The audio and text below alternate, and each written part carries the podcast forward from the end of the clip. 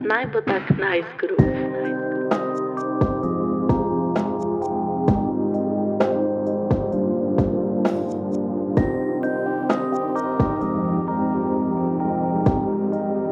ime, ime, Boglas Balloons, Boglas Balloons, Boglas Balloons, Boglas Balloons.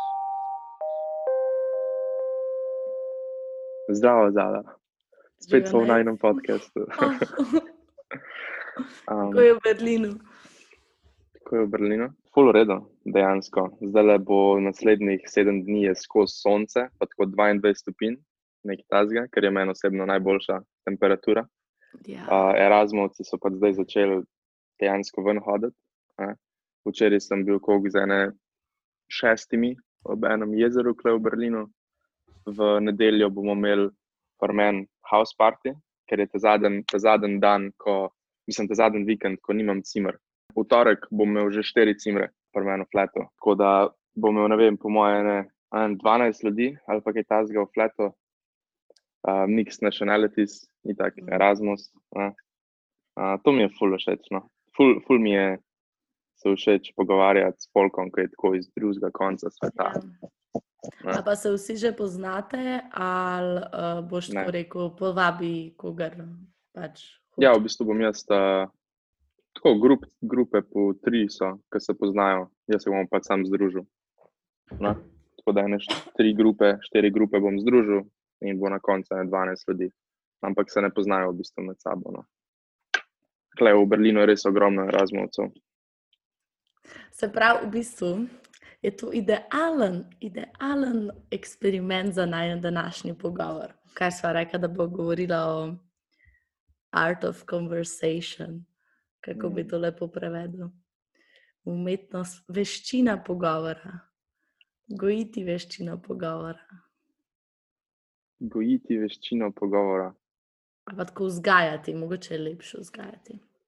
Vzgajati veščino pogovora. No, v tem smislu ti lahko pogovore, ki jih imaš z neznanci, nikakor ne moreš primerjati s pogovori z osebo, ki jo zelo dobro poznaš. In velikrat šele z neznanci lahko res vadiš ta način pogovora, pa kako vprašati stvari, kako se odzvati, ker pač ne veš, kaj boš dobil nazaj. Ti, ki imaš neke prijatelje, vsaj jaz vem, točno komu moram kaj povedati, da dobim feedback, ki bo meni v tistem momentu všeč. A veš, tako kot ker imaš en problem, pa v bistvu itak veš, kaj boš naredil, sam pokličeš enega kolega, ki veš, da se bo strinjal s tabo. Pač se ni nujno, da vedno to narediš, ampak Ja. ramo pa ta, um, mislim, izkoriščamo ta confirmation in uh, v bistvu ti ful zavidam to, da boš jutri tako minglu uh, in lahko bil kjerkoli oseba, hkrati pa spoznal tako kjerkoli osebo, bo pač ona hotela biti. Ja, zdaj uh, to, kar si rekla, da se ne z neznancem lahko na čist drugačen način nekako pogovarjaš, da lahko vadiš to svojo Mhm. um, veščino. Se mi zdi, da je tudi fora, ker velik pomen ima to, da te neznanc te ne pozna. Ne, in nima nobenih biasov oziroma nekih zadev, ko ve v tebi, uh, ko bi vplivali na pogovor. Ne, in lahko čist, v bistvu imaš blank canvas, na katerega paintaš. Ne? Nič predhodnikov ni. Tako da um, lahko debato čist drugače zafuraš, kot bi ne vem, z svojim enim izmed kolegov, ali pa mi je najhujše, kdaj pa kdaj s kakšnim staršem. Je lahko zelo, zelo boring pogovor občasno. ne. Um, ker te pač toliko poznajo, toliko preveč te poznajo, da se mi zdi, da je potencialno lahko z, ne, z neznancem skoraj boljši pogovor kot uh, z nekom, ki te precej dobro pozna. Mogoče ne čist na začetku, ampak pol, ker se pol ure pogovarjaš um, z osebo. In pa če prideš na kakšno temo, ki oba ful zanima, še posebej, če je tema, ko sta oba zelo passionate v njej. A veš, takrat, ko slišiš, da se ti pač glas malo dvigne, pa ko obavno. vzdrkaš. Oh, ja, ja. Um, tisti so najboljši pogovori, se mi zdi.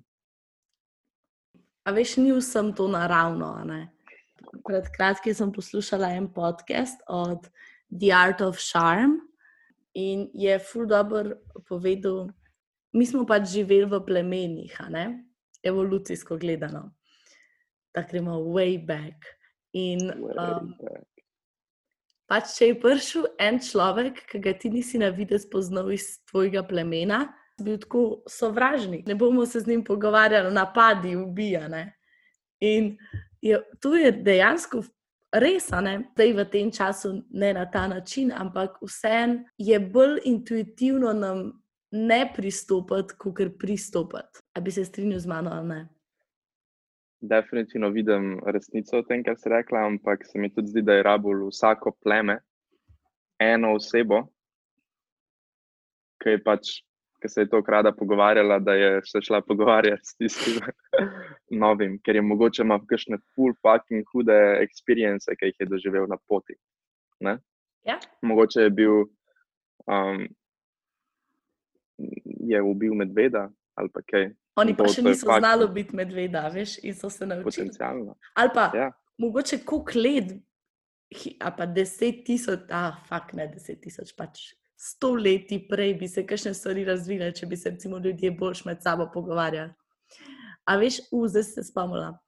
Um, un primer, ki je NASA hotla uno učiteljico poslati v, v vesolje.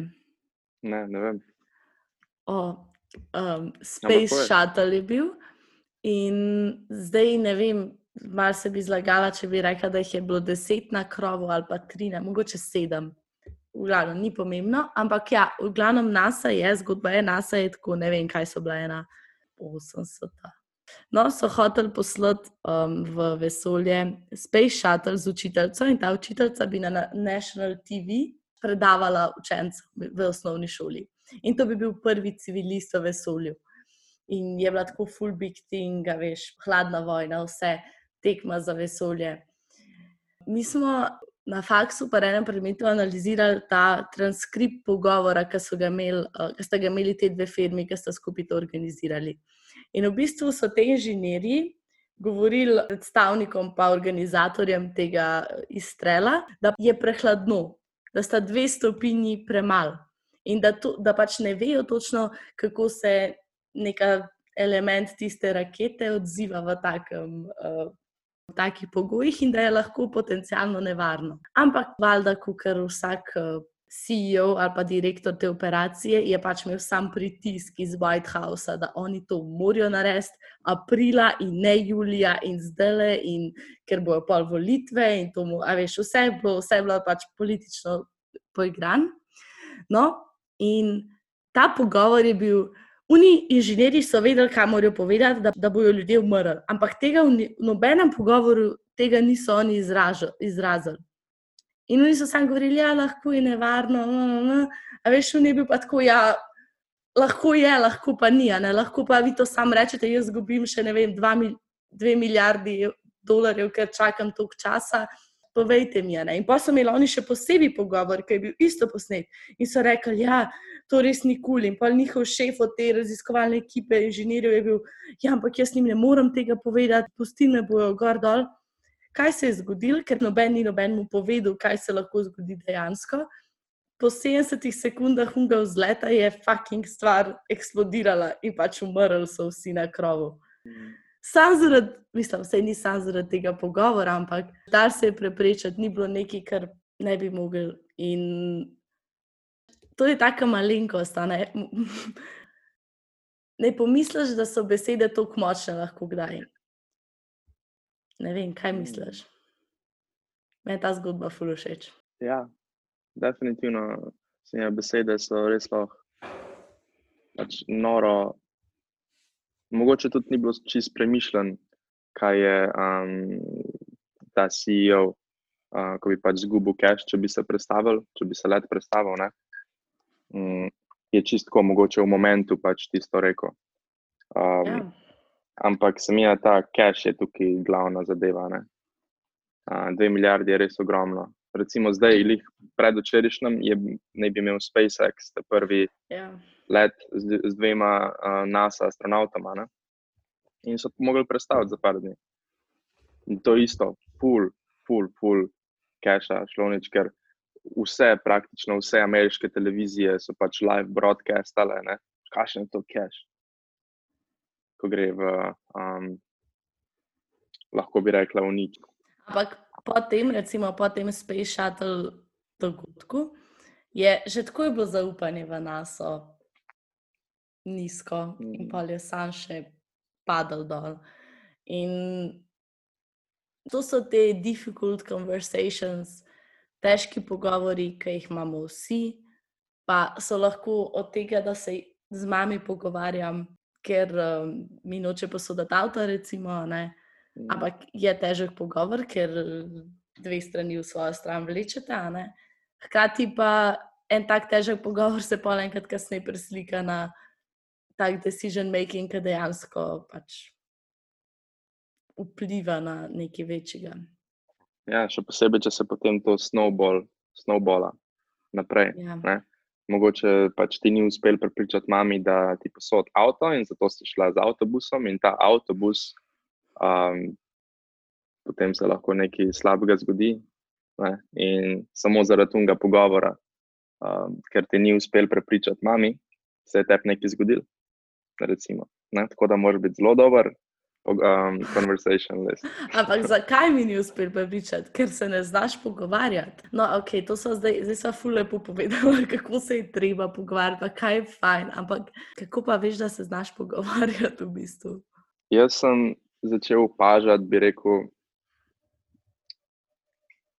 odkar sem na faksu, ali pa v zadnjih dveh letih, recimo, da je res se vse vrti samo okoli tega, kolikrat se ti pogovarjaš z neznanci, um, kolikrat se spravaš v težke situacije, oziroma v take, mogoče nekaj, kar se ne vem, ti v srednji šoli ne bi se pogovarjala s to osebo, ker bi ti bilo preveč um, mogoče intimidating ali pa kaj. Ne?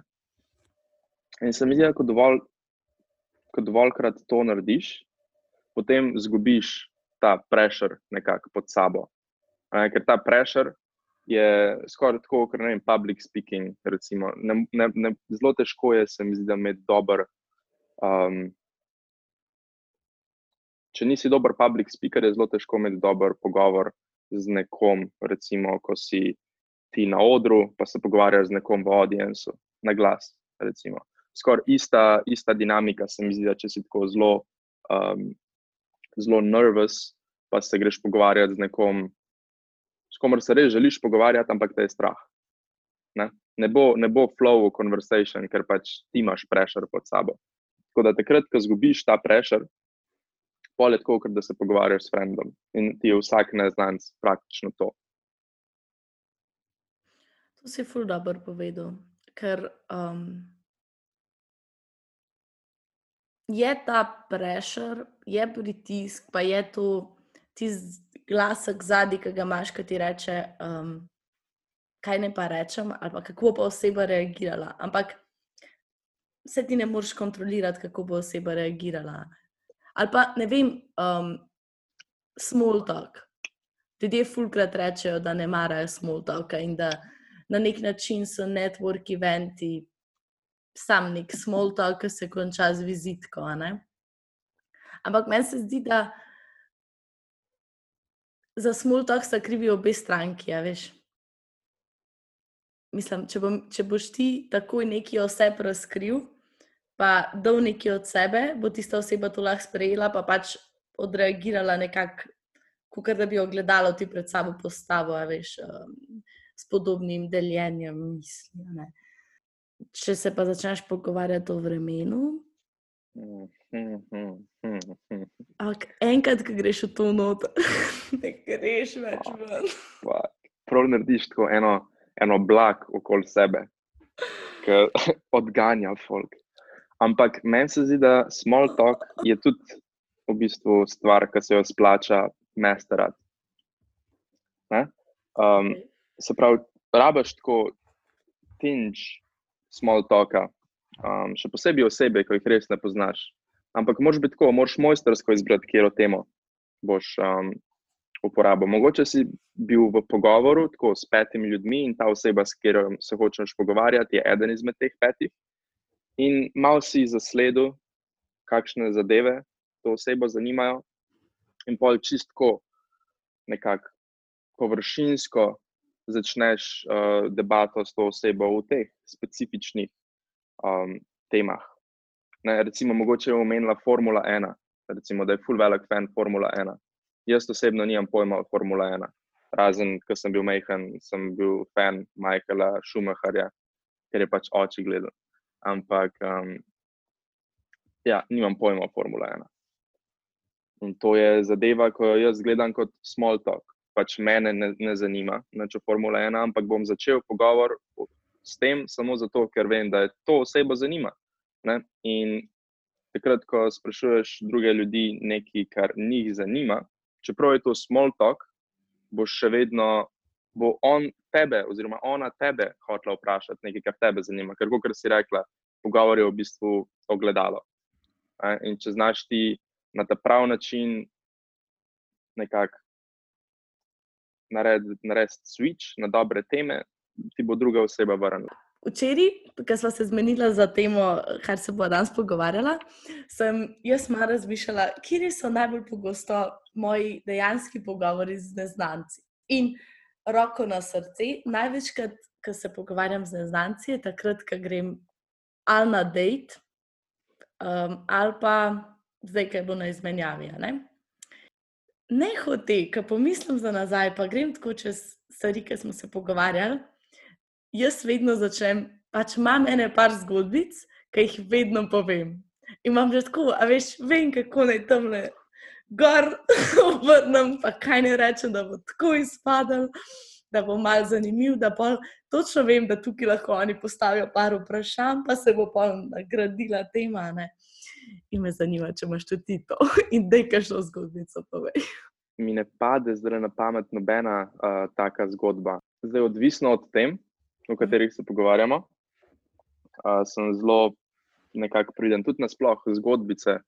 Um, Meni osebno se mi zdijo, še posebej, če, če so dolge, zdaj, okay, če so fully zanimive, um, če imajo neko noro zanimivo stvar v sebi, pol, pol je res kulska zgodba. Drugače jih pa provam osebno izogibati.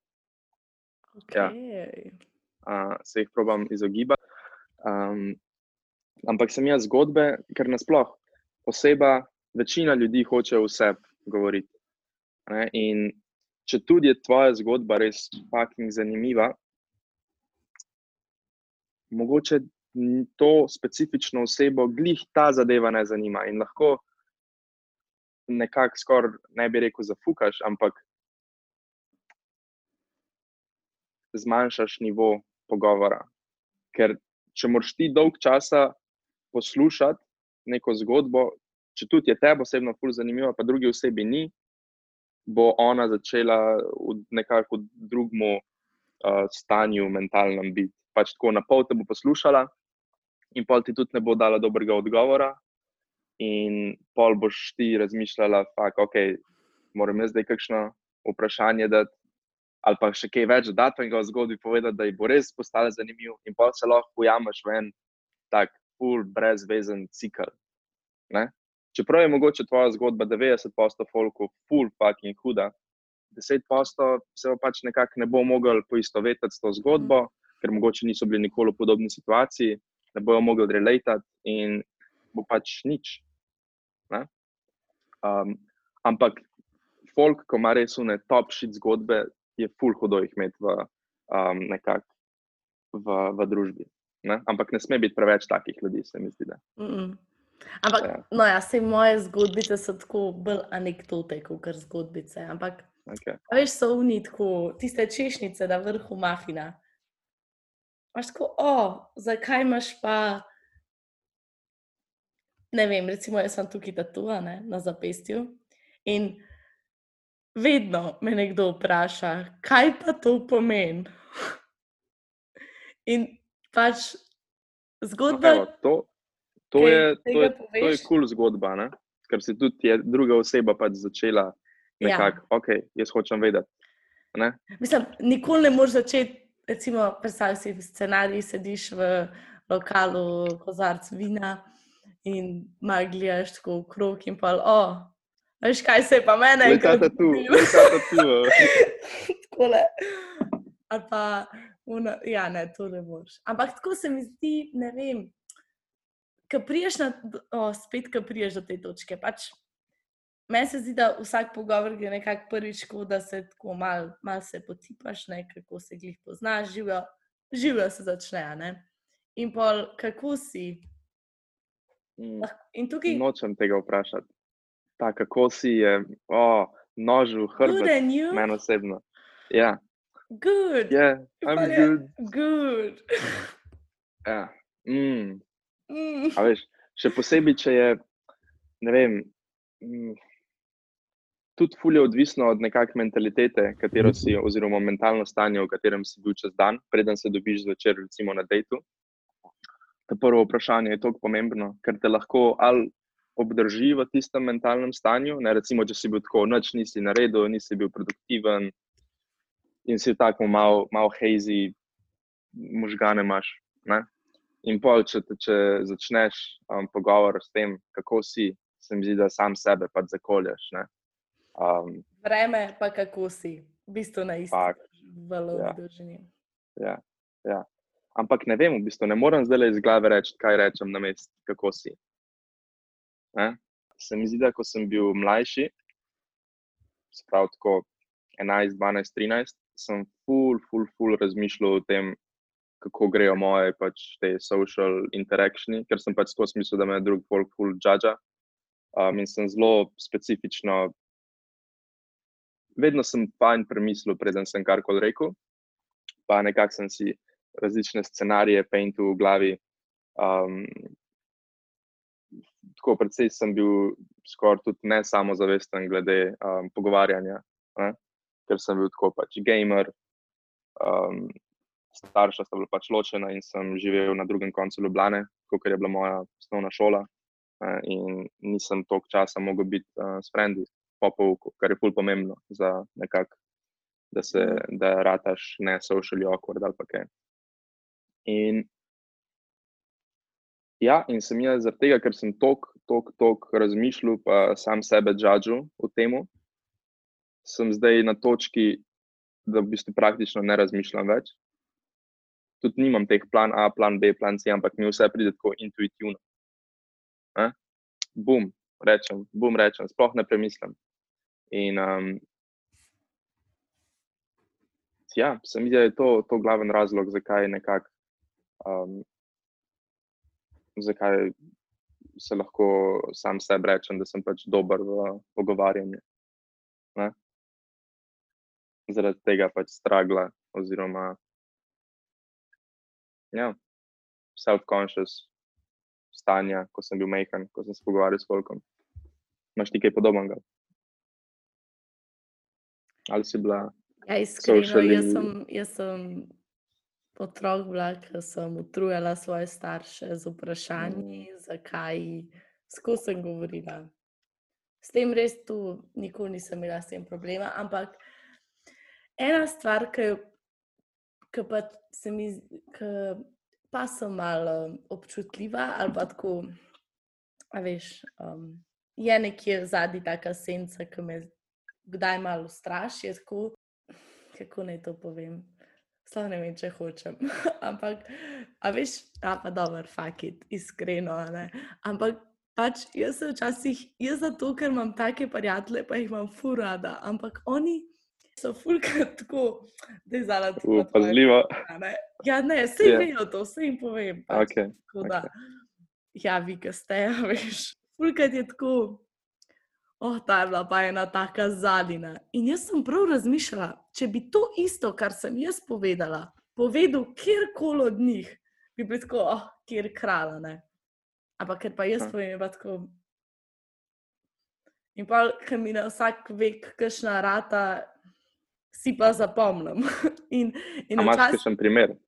a ker mi je rata, mam ja. Ne, nas, uh, lahko oba, obe, oba scenarija paintaš, če imaš v glavi. Ja, te, ki mi ni rata, ne vem, veš, so pa taki, da folk sploh ne dojame, da se jaz hecam.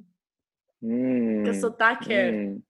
underground. Nikoli ne bom naredila, ne, nikoli se ne bom hecala, uh, če človeka, a pa dobro, ne bom se nikoli hecala. Pa če bom tako nek komentar dala, ampak bo povezan s tem, da jaz uno osebo dosti dobro poznam in lahko na nek tak subtilen način nekaj, kar so oni enkrat rekli, kom, pokomentiram. Ne znam ti dati primera, ampak pač velika, ne vem, a veš, imaš bolj smešne ljudi v družbi, pa pač um, oni prevagajo. In rec- pol je bil pa ta moment, ker sem šla, ker sem šla v tujino, a ne zdaj um, na izmenjavo, tam pa te noben ne pozna. In imaš kar naenkrat čist, tako kot si rekel, blank canvas. Ker naenkrat se je dejansko folk smejijo temu, kar sem povedala, in jim je bilo smešen. In pa sem tako, hej, v bistvu so moji frendi v easy biased, pa pač imam jaz tak reputation, da oni tega ne vidijo kot kar fora. Ampak pač je zanimivo, ne? Je zanimivo. Tako da to je mene malo matralo včasih, ker sem tako, pač zakaj se folk sploh z mano pogovarja, če je pač to grozno, ne? Ampak um, pa včasih, pa edina še ena stvar je, ker jaz ne vem, če sem imela s tabo en small talk pogovor. Tako ne Zihar je bil kdaj. Ampak- Zihar je bil kdaj. Veš, Ampak, če veš, moraš ga, da bi, mm, da bi bil brezvezen, da ne bi nikamor pelo. Ja, ker jaz Tako, sem, jaz sem oseba, ki vedno, ko bom hotel z nekom govoriti, bo, š- bo to bo šlo globoko. Pa ne, ne Ja. rabimo govoriti o Ja. Budi ali pa o religijah, karkoli, lahko je sam, ej, ta barva rdeče je pa tok subtilno, taka kraljevska. Kaj to sporoča o tej osebi? Pa, ne vem, a veš, kar nekaj, ali pa Ja. o, kar nekaj. In včasih to mislim, da je, moj, da je moja slaba karta. Ne, Zakaj? ne vem. Meni se zdi, lih vem. ta zadeva to, kar naredi dejanske pogovore dobre. Ker jaz osebno vidim, kadarkoli začnem o neki zadevi govoriti, pa res, ko mi je ful, ful hočem passionately o tem govoriti. Recimo, sem neko ful, ful, ful dobro stvar naredil za jesti, ker tukaj v Berlinu ful pač kuham. Um, in bom, bom recimo poklical enega kolega uh, prek FaceTima, pa mu začel govoriti, kaj sem naredil. In bom ful, kot se ti zdaj v rdeči barvi začela, ne? ful passionately bom govoril o tem. In sem ja, kadarkoli imaš pogovor z osebo in govori res uno tako z, z ognjem vse, oziroma da nisem tako uno laid back, nek pogovor. A veš, ne? Mm. To je, tako da sem ja, je to, to ful dobra stvar, recimo, da direkt preklopiš na neko močno temo, mislim, močno temo. Nekaj, kar ni small talk. To je v bistvu skoraj, to je, ja, to je, to je skill, bi jaz rekel. Ne?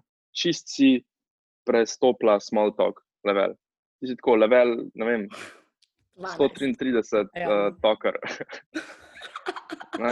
Mi prosim endorsement na LinkedInu. Pač. Ja. Za talking, Prosim, public speaking, conversation list, vse. deep conversation. Persuasion, dialogue. Ja. Oh, Intimidation. That hej. ja, čakaj, jaz sem prejšnji semester zaključila en kurs, ki se mu reče Persuasion and Dialogue for Leaders, s poudarkom Mhm. na for leaders. To sem rekla zelo blizu mikrofona, z lepim glasom, ker je pomemben. Ampak jaz vse, kar zdaj le govorim tukaj, sem se naučila tam. Pa slišiš se tak predmet, a veš, tako likovna vzgoja v osnovni šoli.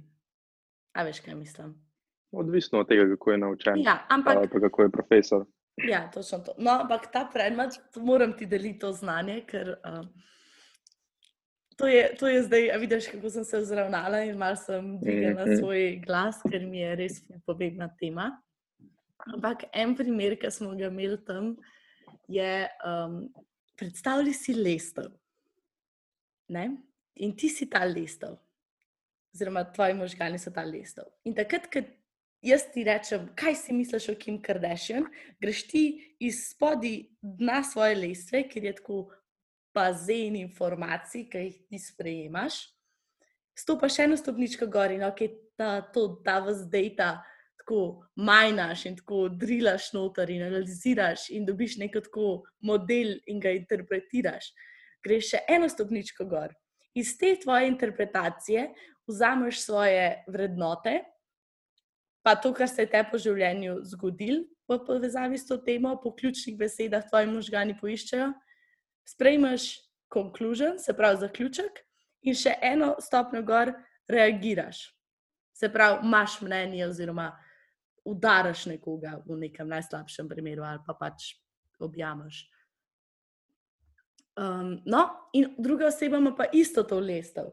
In ti v pogovoru moraš v bistvu se truditi, če sta tako dve lestvi, da greš iz vrha svoje dol in probaš razumeti, ok, jaz se s to osebo ne strinjam, ampak kaj bi njo lahko pripeljalo do tega zaključka, ki jo je. Kakšne podatke je imela ona, kako ona to interpretira, iz kakšnega ozadja prihaja. In kar naenkrat ugotoviš, da imajo vsi nek razlog, zakaj tako mislijo. Ampak. V bistvu bi lahko tukaj, tukaj bi lahko rekla, da moraš iti plavati v ta, ta njen bazen informacij. Ja. ja, ker pač ti imaš ene, ona ima druge, oziroma on in pač nekih je v preseku, ampak fulje pa ti, ki ne vidiš, kaj je zadnja, kaj se je njej zgodila, ali pa njemu, kakorkoli. Ampak res ta model te lestve je mene čez celo prejšnji semestr, semestr spremljal.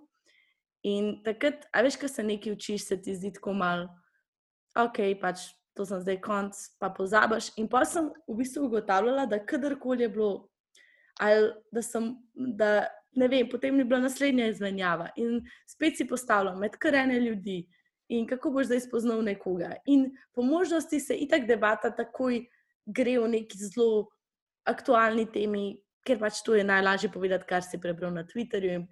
Kaj, ne vem, kaj pa je bilo 22. začetek, avstralski požari, recimo, ne? to je mhm. bilo januarja. In to je bila full big tema takrat. In se spomnim, da se full nisem strinjala z enim fantom, ki je sedel za mizo. In sem že tako bila, pač kaj jaz skled delam, te presedce. In pa je prišla ta lestev, tako v misli. Da je pač vprašaj ga, ne? zakaj pa on tako misli. In pač full redo fund, pa smo se tako najbolj družili še med uh, časom. Mm -hmm. Tako da jaz ti dajem zdaj to lestev. hvala, hvala za, hvala za lestev. Um, Meni se zdi, to tako zelo, zelo kulska nekakšna slika, kako bi se lahko pogovarjati, še posebej takrat, ko so neki nesporazumi. Ne? Se mi zdi, v, tudi v Sloveniji, recimo na faksu, uh, se spomnim tako 2017, 2016, prvi letnik, ko sem bil na faksu. Je bilo precej debate okoli Trumpa, je bilo pa zelo aktualno se pogovarjati o tem.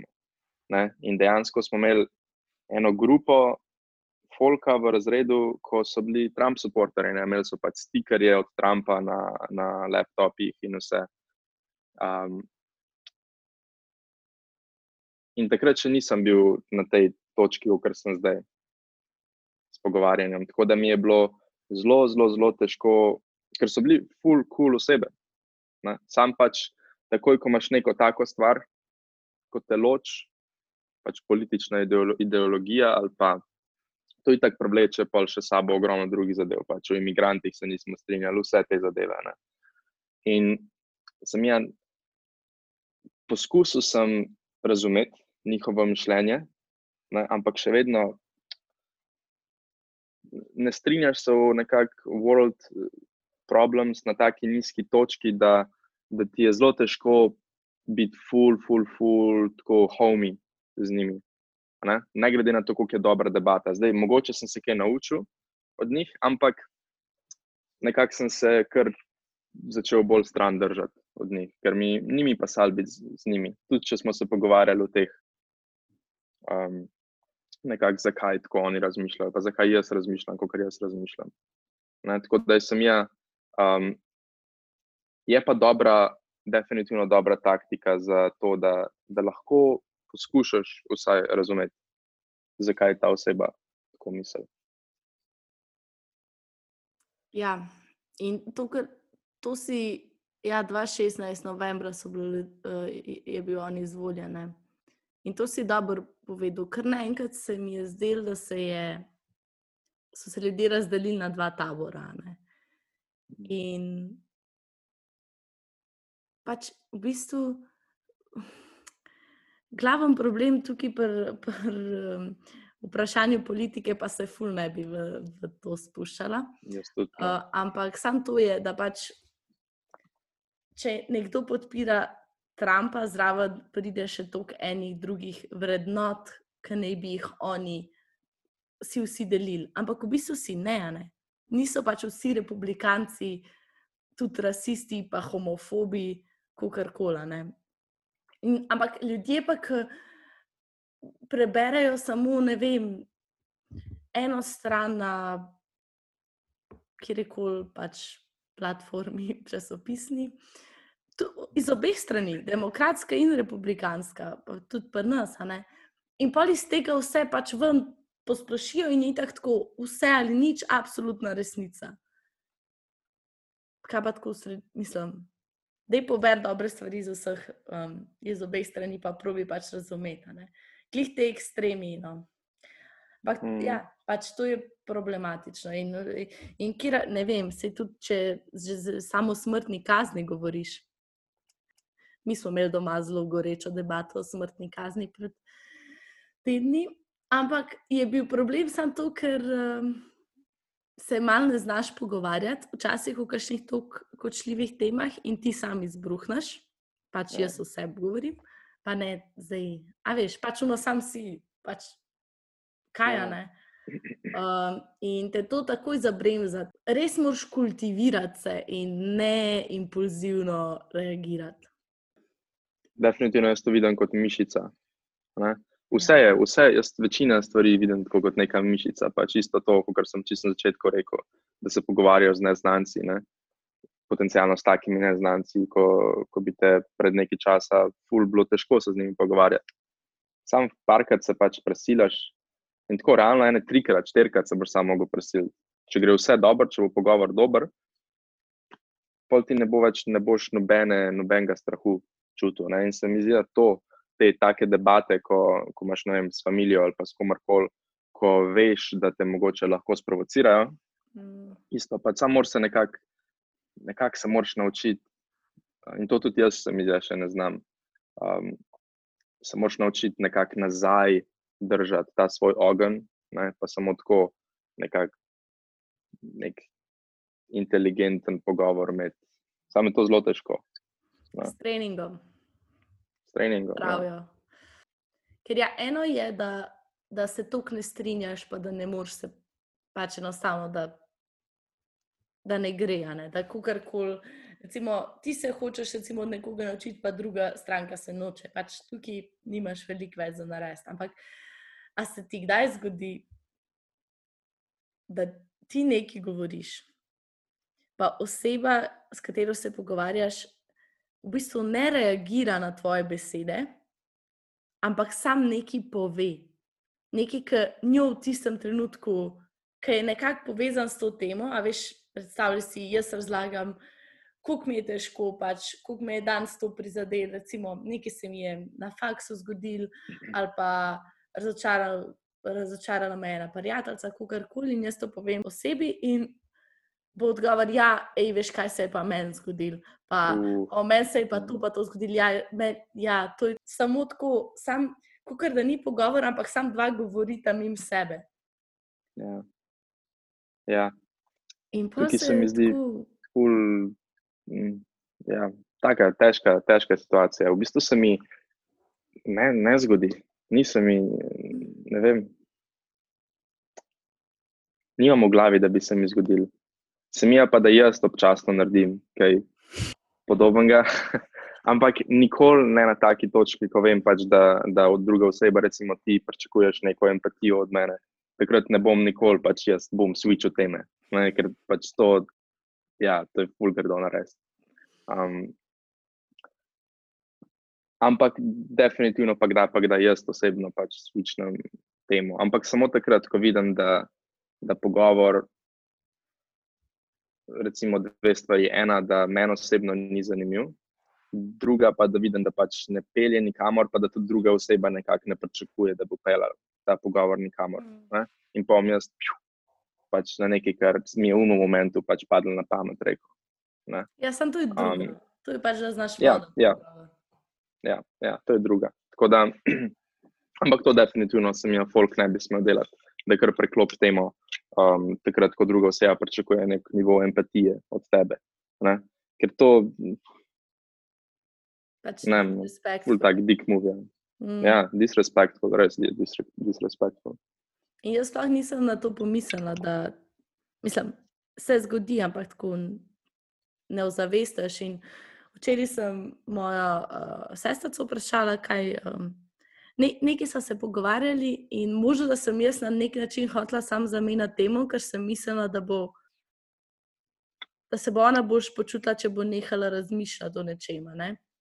Pa Mm. In pač mi je rekla, le, evo, zdaj si to naredila. In sem pa tako, razumem. In ja, pač ful moraš paziti na to. In tako, ne vem, uno misel, da pač na neki točki, kolik, kolik, eh, kako se reče, zakonov se lahko pač tako na koncu konča. Da pač en nekaj govori, drug nekaj govori, v bistvu pač ni pogovora. Tako da Mm. pogovor v govor. Pogovor v zgovor. Ja. Ja, Veš. To je, to je. To je ime, ime te epizode. Pogovor v zgovor. Zalegajte. Um, Quote me on that. Ja. Meni se zdi tukaj, um, v bistvu, ja, pogovor je tako praktično lahko rečeš, da je number one skill. Stvari, Bold statement, pač, Nate Skošir. ja, mislim, če tako pogledaš, v kateri, v kateri, v kateri sferi življenja ti pogovor, te pogovor ne bo pušil pred tvojo nekak, um, pred tvojimi tekmeci, recimo. V kateri sferi življenja? Ne najdem. če se ti znaš dobro pogovarjati, tudi recimo evo, na faksu, greš do profesorja, začneš neko fucking debato med uh, odmorom. Uh, to te takoj postavi pred um, drugim folkom, še posebej, če si na kakšnem faksu, recimo medicina ali pa kaj, pa hočeš dobiti um, recommendation letter, da te bojo lahko sprejeli na kakšnem uh, inštitutu. In če ti začneš neko debato s profesorjem med odmorom, pa se mogoče potem nadaljuješ to debato prek maila, um, bum, in dejansko razviješ nek pač mentor, uh, učenc, pristop oziroma dinamiko, in boš dobil pač tisti recommendation letter. Plus, rad ti bo ta oseba pač tvoj mentor. Ne? Um, to je recimo evo, na faksu, potem kaj je še kakšna situacija. Evo, v restauraciji. Um, bil sem, ko sem prišel sem na izmenjavo, pred tremi meseci, sem šel tako drugi dan izmenjave, uh, sem šel v eno grško restauracijo blizu mene in sem se sam tako, pač je, prazno je že bilo, ker ni bilo korona, se je že praktično začenjala, ampak še ni, niso zaprli restauracije. In sem začel malo se tako pač pogovarjati uh, s tem lastnikom, tako mi je pač prinesel hrano. In sem ugotovil, da je tip uh, Makedonc, v bistvu, ne, in govori in grški, in makedonski, in pol je on zvedel, da sem jaz slovenc. In tako večina makedoncev govori nek nivo slovenščine. Sva se začela v slovenščini pogovarjati. In sem pač pojedel, imel sem jagenčka, pa ne vem še kaj vse. Pol mi je pa, ko, sem, ko je videl, da sem pojedel, je prinesel dve kavici, pa um, dva, kot neka taka grška jogurta z uh, rašidi, pa z uh, medom, lepo na mizo, pa so usedel zraven mene, pa so se pogovarjala pol ure. Pa lepo sem imel kavico za ston in pač tisti pol dober jogurt. Ne? In tega definitivno ne bi dobil, če se ne bi začel pogovarjati z njim, oziroma če ne bi bila debata. Se ni bila neki full debata, ne? ampak sam tako, veš, kako, si, kako to, da si prišel samo v Berlin, pa restauracijo odprl. Ne? Take zadeve. Ja. In sem jaz to lahko dobesedno v vseh zadevah, kar vidim, lahko uporabiš. Pač ta pogovor, ne, oziroma confidence, da se boš pogovarjati z neznanci. Ker, kakorkoli misliš, ne vem, pri pristopu do pri profesorja, se mi zdi, da dijakom, učencem, študentom, vsem je tako najprej mal, a bi res pristopil, kaj ne pa rečem. Več, mislim, veliki večini. Tudi meni je bilo. Tudi meni je bilo. Uh, in v bistvu s to profesorico, ki je učila ta Persuasion and Dialogue for Leaders, se še vedno mailava. A veš, pa je, pa pač me je učila tiste štiri mesece, pa veš, bog ve, kaj si mislila. Pak, pač, jaz sem se toliko naučila in zdaj, recimo, isto imam eno profesorico, ki mi je ful zanimiva. Uh, in sem prvo predavanje, sem pristopila do nje in sem jo vprašala nekaj na temo pač predavanja, kaj smo že govorili. A ja, o tem, ha, kako se bo v firmi moč, um, se vse več daje, se pravi, um, stranki. V smislu, da dejansko stranka vpliva na to, kakšen produkt. Ampak to se zdi ful samoumevno, ampak zdaj, a veš, velik, velik, um, večina podjetij je edina, edina stvar, ki jo res lahko evaluiraš, aj to prava beseda, oceniš ja. konkretno številko, je pač finančno stanje.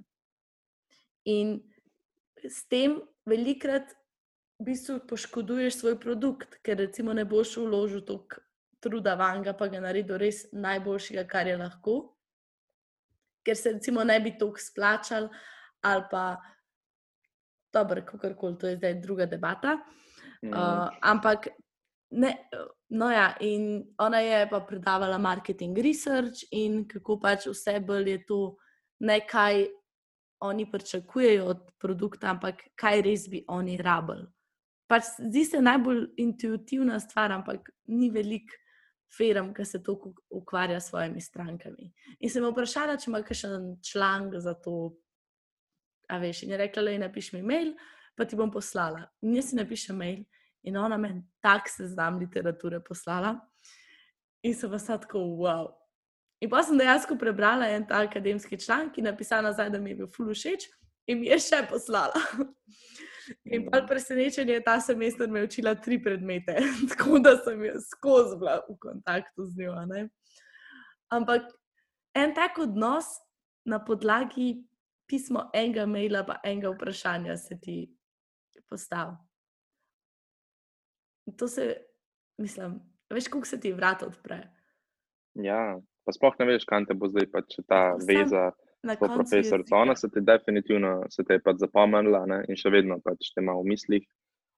In mogoče bo nekako ja. ta oseba ti prišla prav, ne? oziroma mogoče boš ti njej prišla prav. Um, Če ful oportunistično pogledaš. Ja.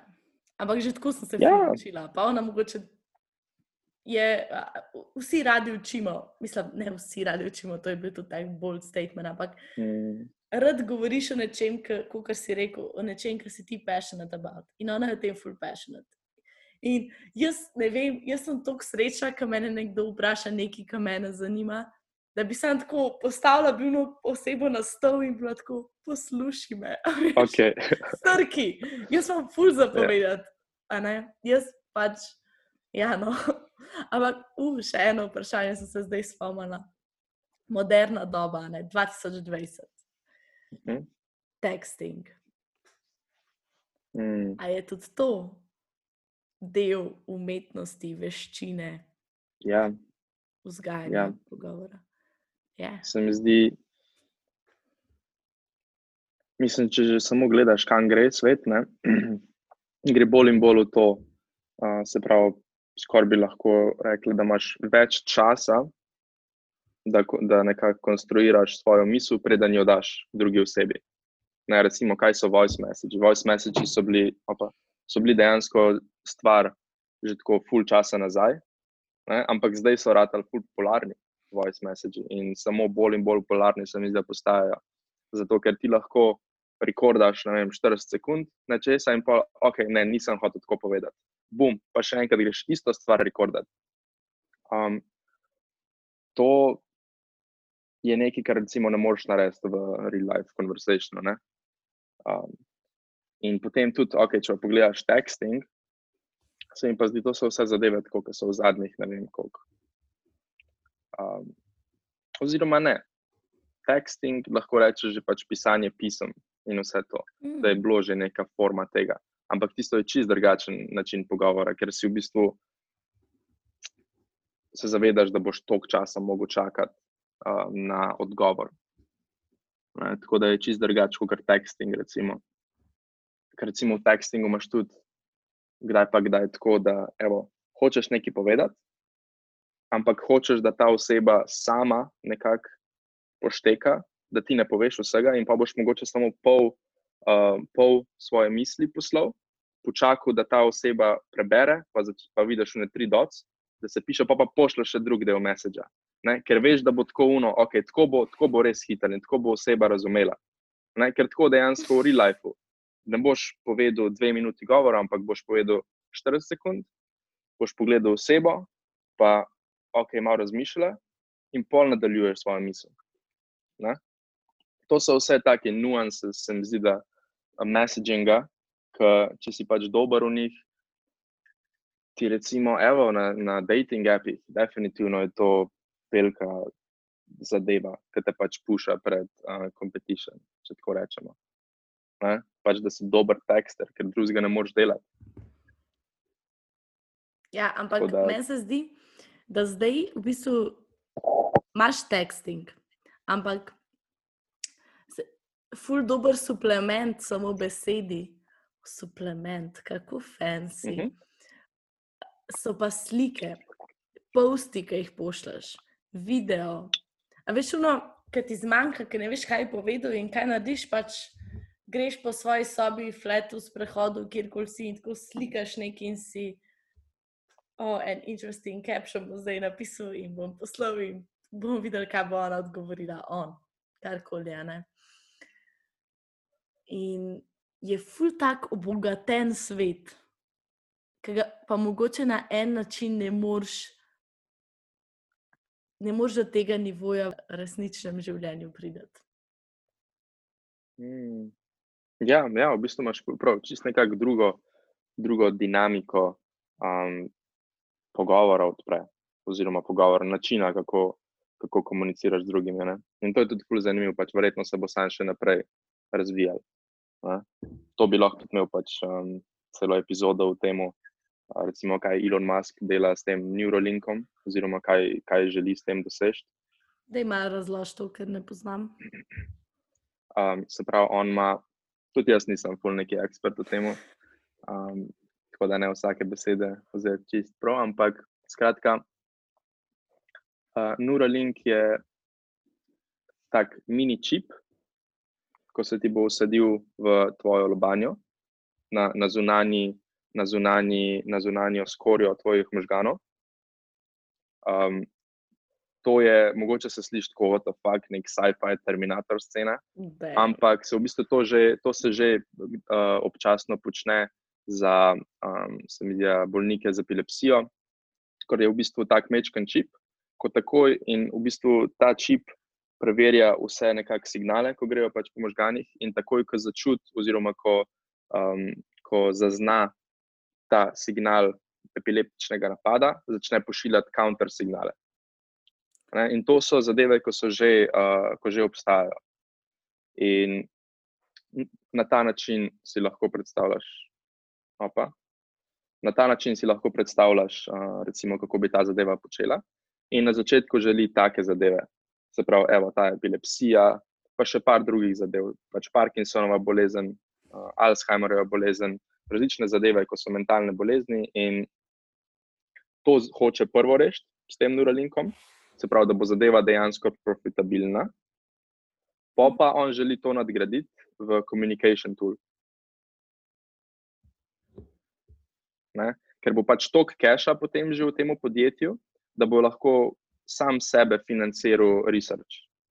Ker to je glavna zadeva, ki pač puša progres, ne research v podjetjih. In da boš ti lahko, se pravi, evo, že zdaj se dela ta um, nekakšna analiza možganov in seveda, takrat, ko pomisliš na hrano, se bo nek del tvojih možganov aktiviral ne, in lahko vidijo to na UNMU, um, MR, MRI skenerju. Ali pa takrat, ko oseba govori, se en drug del možganov pač light up. In če greš ti lahko dovolj, dovolj, dovolj, dovolj, dovolj globoko, zaznavaš te signale, lahko ti potencialno to še zdaj ne obstaja, ampak lahko potencialno veš, kdaj je kakšna oseba pomislila na psa. Recimo. In če je ta nekakšen pretvornik signalov dost, um, dost hiter, pa dost um, natančen, lahko ti cele nekakšne povedi vlečeš ven iz tega. In bo druga oseba direkt vedela, kaj ti misliš. Ne? In Praviš, to so definitivno. Oh, Ja. Ampak to so definitivno zadeve, ki še niso tako v naslednjih desetih letih, ne? tudi ne verjetno v naslednjih petnajstih letih. Ampak so, je pa dejansko research, ki se pač dela na tem. Um, vem, da je semija že neki, do neke stopne smo prišli v razmišljanju o različnih barvah, da že lahko skoraj znanstveniki vejo, ok, razmišljajo v zeleni barvi, razmišljajo v rdeči barvi. Ne, se mi zdi. Um, ampak ja, in to on želi s tem Neuralinkom narediti. Ne? In potem si lahko predstavljaš, kako bo, ker, evo, ko ti neki osebi govoriš neko svojo misel, ni čist enaka to, kar ti dejansko misliš. Zato, ker pač nimaš besed, oziroma ti tisti moment ti pač ne pada neka beseda na pamet, ki jo želiš, in boš malo na robe konstruiral stavek, ampak bo približno, približno pravilen. Ampak še vedno ne boš celega mininga prenesel na drugo osebo.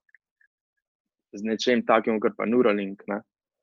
Um, mislim, si lahko predstavljaš, ne, kako bi pol izgledala komunikacija. Pač telepatija. Ja, mislim, essentially telepatija, ampak še vedno, mislim, a bi znala razložiti. Jaz osebno ne bi znal razložiti, kako telefoni delujejo. Pač kaj, ok, ti imaš to v roki in pa se neki nevidni signali pošiljajo, in druga oseba to lahko vidi. Pač essentially je to telepatija, če tako pogledaš. Ne? What the fuck, se nismo povezani s kablom ali nekaj, kako gre lahko po zraku, kako gre lahko po zraku ali kaj, karkoli se dogaja. Ne? Tako da zdaj pa, Ja, in to ni tako velik step. Tukaj se prenaša v Berlin. V bistvu Ja, pa sam tukaj obstaja. Ne? Mhm. Ja, že to je tako malo kripi, če res začneš razmišljati o tem, what the fuck, kako, a ker nekaj nevidenega se fura ven iz telefona ali kaj, a veš, ne? In ja, tako da se mi ne zdi Neuralink tok sci-fi. Ne, in se mi ja, naše življenje bo res tako ful zanimivo glede tega, pa če razmišljaš, kaj bo v naslednjih 70 letih. Ne? Ja. Tako da ja, sign me up za ta drill v moje možgane, da mi dajo en tak čipek, bomo, Ja. bomo financirali. nec. bomo financirali. Ja. Ampak, a to, ja, mislim, valjda. A veš, prva stvar, ki človek to sliši, si tako šit, kako slabo, pa bo full nevarnosti, gor dol, ne. Ne vem, vsaj prva moja misel je to. Ampak, če tako Ja. yeah.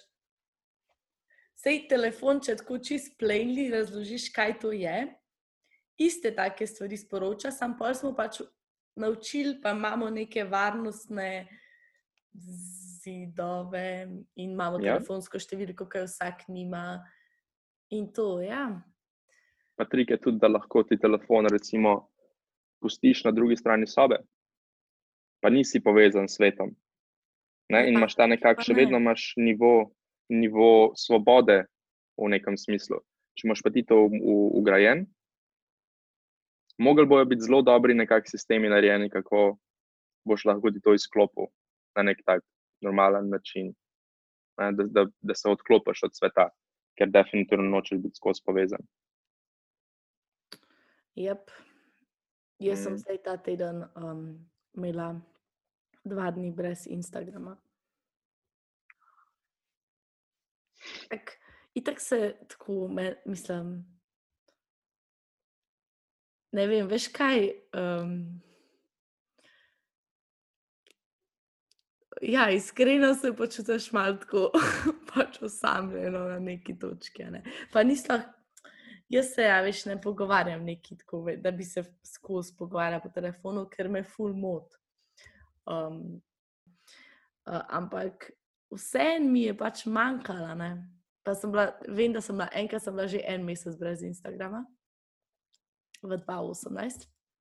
In mm. od takrat ne vem, če sem prav velik pauzi zdela. Ampak tudi ta dva dni sta ful pomagala. Pač. Da pa ne vem. Ne Ja, vem. ja, definitivno te naredi malo tako. Težko je tudi spraviti v besede, kaj ti naredi da, uh, social media, če si full, full, full povezan. ne. Um, Ja, Jaz osebno, ki imam veliko prijateljev, ki niso tukaj, pa mislim, da ti imaš nekako podobno. mm, Mi je to res en izmed edinih načinov ohranjanja. to si slišal, ker da so mrtvi. Ne, mislim. Ojoj. Tako pač na izmenjavah so, ja, ali pa ali pač nekje v tujini živijo. tujini, a ne. Da, Mislim- da, ja, sam tako, da, da folk šteka.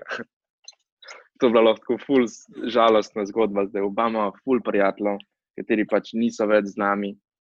In telefon je edini način, kako ohranjam kontakt z njimi. Gledam njihove slike. Ja. Ej, to je un Black Mirror um, epizoda, veš? Ja, Evo, fa, a si gledal to? Ker se Ja, ona sem gledal par epizod, ja. Svojim, umr, pač, njen mož je umrl. Ja, uh Mhm. -huh. njen mož je umrl v um, nesreča z avtom. In um, pač ona tega ne more sprejeti. In je neka aplikacija, ki analizira vse njegove tekste, e-maile, filme, ki jih je bral, vse. Se pravi, gre čez tvoj Goodreads, čez vse tvoj social media, LinkedIn, Netflix in se pač nauči razmišljati kot ti, pa pisati v tvojem tonu. In se ti dejansko tekstaš, la- mislim, v tej, v, v tej epizodi se je Mhm. ona tekstala svojim umrlim možem. Pa tako Ja, dosti pokličeš se ja. lahko, ker pač ti še glas analizira. In pa ona reče, ne, to pa on ne bi rekel. Ne? In pa si algoritem zapomni, da na ta način on tega ne bi rekel. Ampak mm. je pa, je pa zanimiva. Black ja, recimo govor, uh, smo že približno tam. Recimo intonacija določenih besed. Uh, recimo eni full dobri, ta stvar se imenuje deepfakes. Eni full dobri deepfakes Joe Rogana so. Ko je v bistvu cel podcast v eni temi, narejen s tem fake Joe Rogan glasom, ampak če poslušaš, ne boš mogel reči, ok, to ni on. Smo že pač na tisti točki, kar se tiče glasa. A res, Mm. Ja. wow. Tako da to, to ni, ni tako daleč stran. Ja. Uh, bo, bo, bo pa po mojem dosti velika zadeva to ratala, pač fejkanje. Ne? Nažalost, sem, mogla, sem imela rahel break, kli za Rahel break. Ja, za lulat pa za čaj si za narediti. AirPods so crknili. Ampak se zgodi, se zgodi. Tudi Apple, kdaj zafuka. Ja, jaz sem zato kabel.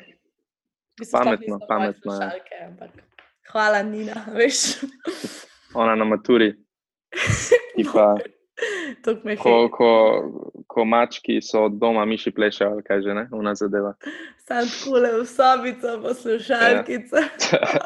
A je bilo tako dejansko. Ja, ja, dejansko je bilo tako, veš, šla je. Nice. Ja, vsem, zelo dobro. Ja. Uh, ja, no, se pravi, Kaj če, bo en tak če, lep wrap-up naredila. Ja, ja točno to. Sem je, je fulkulska epizoda, da se en tak lep wrap-up naredim. Samo tako, se pravi, zadeve, ko se meni zdi, da so ki v tem, da imaš, oziroma da se daš na neko pot, da boš rado dober conversationalist. Ne? Prva zadeva, ko se mi zdi tukaj, je, da najdeš kakšno serijo, v katerem ti je nek karakter, kot je res uno, fuck, oh, kako je kul. Cool. In samo pač probaš nekako vsaj en aspekt njegovega, tega, kako se on pogovarja s folkom, ali pa sam, kako se, kako se vede, kako se pač obrača, ko je na ulici ali pa kaj. pa, pa ga nekako narediš kot del sebe. Ne? In zdaj, itak, to mogoče je tako precej superficial, oziroma uh, preveč umetno, ampak čez ne vem, par mesecev bo en mečken delček tega postal del tebe. In ko nabereš dosta, se mi zdi, takih stvari okoli sebe, rataš tak, fucking nek zanimiv karakter, ki ga je pač zanimiv gledati, vem, ko se na tak um, confident način obnaša in ko, se, ko, se, ko ti zgledaš confident, ponovadi conversation tudi bolj teče, ker se sam zavedaš, da si nekako, da imaš vse v svojih rokah, oziroma da, um, ne vem, to se mi zdi ful, ful, ful, In to sem, to sem v bistvu jaz. Uh, kadarkoli vidim kakšnega tazga karakterja, ali pa nasplošno, folk okoli mene, tako, ko sem odraščal, vedno sem ne vem. Uh, ali je na, na neko kletvico uporabljal, ali pa kaj, pa se mi je zdelo full cool in pol začnem jaz to uporabljati. in čez nekaj časa to pač malo tone downaš in ohraniš samo delček tega. To se mi yeah. zdi ja. full taka kulska zadeva, recimo. Pa recimo ena zadeva, kar jaz počnem, je, ampak to čisto podzavestno, da imam skoraj konstanten eye contact. Skor. In zdaj marsikdo to reče, pač, da ni in pač ne smeš imeti skozi eye contact. Sam, jaz sem opazil, da če te pač skozi gledam, zdaj prek kamer se je malo težje, ker pač ni, ni, nimam high quality tvojih oči, recimo, ampak tako v živo če te jaz pač gledam skozi oči, bom direkt razumel, pač, kaj govoriš. In mi je zelo lažje se pač osredotočiti na cel pogovor. In tudi iz tvoje perspektive to lahko potem zgleda, čeprav, prav, če jaz tebe gledam v oči, ki ti neko zgodbico razlagaš, imaš ti občutek, da ti jaz dajem pač tako res dobesedno 110% mojega fokusa. Čeprav se dejansko kdaj zgodi, da mogoče začnemo v kakšnih drugih zadevah razmišljati, ampak še vedno bom imel intense eye contact, tako da ti ne boš vedela, da v drugih zadevah razmišljam. Ja, se to se mi zdi. Kaj sem uh, govorila? Ja, mislim, da vsako. In tako najbolj razlagam, da dežuje in nec skozi gleda, kot da me ful posluša. Pa, in pa reče, kaj praviš, da je sonce? Kaj? Ja, ja, Ampak ja, ja, se zgodi, ja. No, se zgodi. Se pravi, mm. tvoj go-to je, uh, da imaš neke karakterje iz serij in probaš malo njihov, pač mal teh njihovih dobrih lastnosti na se. Um. Ja, ampak to ne smeš pač prevelik, prevečkrat narediti, ja. ker pa boš izpadel nek fake, uh, weird guy. Ampak tako, recimo, ne, te... jaz ne bi rekla. Ful se naučiš, veš. Hm. Ja, ja, ja, to je res. Tako da ne, nisem um, weird že se mi zdi tako, ta prva oseba, ki jo lahko tako, ki si ne. Ko si 15 let star ali pa kaj tasga, če si full fan James Bond filmov, sam prob sem malo bolj ved, pa vedeti kot James Bond. In ali sam tako, recimo, da ko vzameš šalco, da je ne vzameš tako hiter, pa narediš, ampak da boš tako prijel šalco, jo lepo počas, pa jo malo držal, pol pa še le naredil požirek. Ne, evo, bum, direkt, direkt neki tasga. Ne? In ko se sam nekako nafilaš z dosti takimi movi, se mi zdi, da, jih lahko povlečeš iz rokava, ker naenkrat pač izpadeš bolj nekako confident, kot si. Ne? In mogoče je to na začetku čist fejkanje, ampak ko to delaš par mesecev, vrata del tebe in sploh se ne zavedaš, da to počneš. Ne? Ker to je v bistvu life. Sam pač fejkaš zadeve, ko jih vidiš, v svojem surroundingu, ko odraščaš ali pa ko si dojenček, še posebej, ne? čist fejkaš svoje starše oziroma ljudi, ki skrbijo za te. Ja. In ja, se mi ne zdi nič narobe s tem. Moj ja. svet bi bil pa. Pač ja. Stay yourself. ja, um, moj svet bi bil. Od vsakega človeka na tem svetu se lahko nekaj naučiš. In to pomeni, da se tudi kateri koli sogovornik od tebe lahko nekaj nauči. Mogoče na neki ravni, ki ti ne vidiš, ampak kol, ne smeš se počutiti, kot da ti nisi dorasel temu sogovorniku. Na nivoju, recimo, profesor, učenec, se mi zdi, da je to velike. To pač ne vem, jaz osebno vem, da kad na to pomislim, sem tako. Mogoče imam pa jaz neko zamisel, pa nek aspekt, ki ga lahko pokažem, ki ga še ni na tak način slišala, ker je ker tako brezmadežno, brezmadežno, ker pač brez nekega, neke zgodovine pomisliš na neko temo. Pa to, da to je ena stvar, da se res od vsakega lahko nekaj naučiš. Druga stvar je pa, da se pač moraš malo sebe dati, če hočeš, da druga oseba tebi da malo sebe.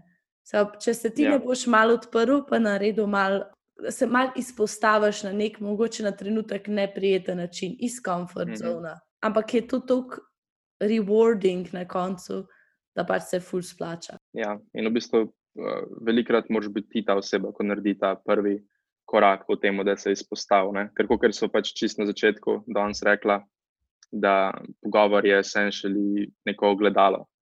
Ne? Deluje kot ogledalo. Pač moraš ti nekaj dati, da dobiš nekaj nazaj. Ne smeš pričakovati, da se ti bo druga oseba odprla, če se ti ne boš.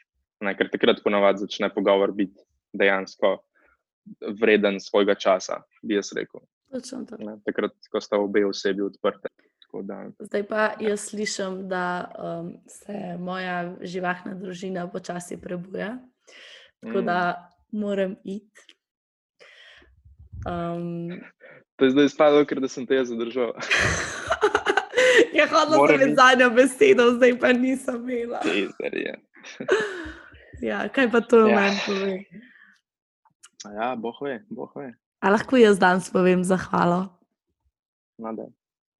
Hvala vsem, da ste naj poslušali. Mene res zanima, kaj vas prepriča v to.